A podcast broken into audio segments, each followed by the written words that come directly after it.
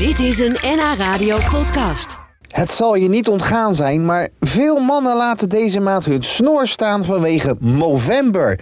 Een jaarlijks terugkerend evenement om aandacht te vragen voor prostaatkanker, teelbalkanker en de gezondheid van de man in het algemeen. Maar hoe zit het nou eigenlijk met die snor? Nou, daarvoor ging ik naar de vrouw die onderzoek deed naar de geschiedenis van de snor. Erfgoed- en traditiedeskundige Ineke Stroeken. De, de oudste vermelding van echte snor, hè, want de baarden zijn gewoon al heel erg oud. Hè. En scheren is ook al oud. Hè. Dat deden ze vroeger met een vuursteen. Of ze trokken met twee schelpjes, trokken ze al die haren. Nee! Ja, oh. ja maar poesje. Ja, ja, maar was nou, toch ja, geen laat staan dan. Ja, dus ja, dat mensen hadden baarden gewoon. Hè. En, eh, maar die snor, ja, die, de eerste vermeldingen zijn zo in het begin van de 16e eeuw en de 17e eeuw. Ja, daar, en dan heet het ook moustache. Hè. En in Nederland knevel. Hè. Maar dan- Knevel? knevel, een knevel. Van Andries? Ja, Maar ja, ja, oh. Andries Oh, ja, zeker, ja, ja.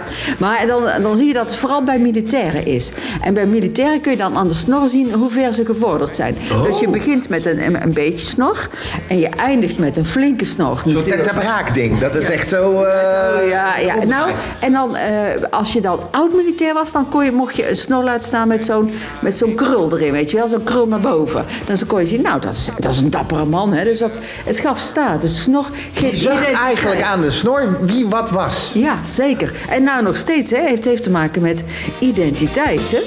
Mijn Mina heeft een snor. Een snor? Er zijn heel veel soorten snor, hè. Het pot, potloodsnorretje, dat is helemaal recht. Het eh tandenborstensnorretje, die, eh, die, dat is zo... Adolf Hitler had er zo eentje. Je hebt de walrussnor, hè. Dat is, eh, ja, dat is zo'n hele borstelige. Je hebt dan ook nog die snor die zo helemaal naar beneden gaat. Ja, ja, die naar beneden nog- hangt. Ja, zo helemaal naar beneden hangt. Puntjes naar beneden, ja. En dan heb je nog eh, de Salvador Dali snor. Die, gaat zo, die is heel dun, maar dan met zo'n grote, eh, grote krul naar boven. En ze betekenen allemaal wat anders. Nou, ze, ze doen allemaal een andere eh, identiteit uitstralen, weet je wel. Hè? Dus eh, je kiest ook echt voor je snor. Hè?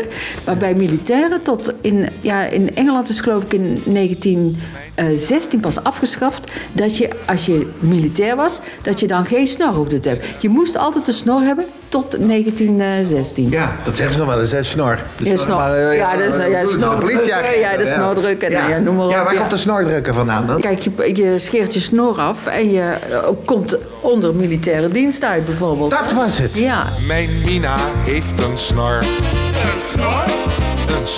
Oh, er is trouwens een heel leuk onderzoek geweest in 1904... waarom mannen snorren eh, gingen dragen, hè, of droegen.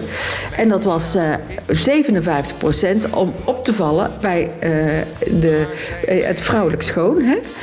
Eh, de tweede plek was om slechte tanden eh, te verdoezelen. Ah. Of een hazellip, hè? Ja. Eh, de derde plaats was, even kijken, omdat ze dachten dat het gezond was. En De snor? De snor, ja, want dat, dan zou het minder snel verkouden worden. Oh. Ja, en de vierde plaats was om je gezicht, eh, een, een bepaalde gezichtsvorm, een beetje een Te andere verdoezelen. draai- Ja, een andere dat herken ik te wel. Ja, Ja, ik ja, heb nogal een dikke kop, maar met zo'n baard lijkt een stuk minder. Ik ben zeer op haar gesteld.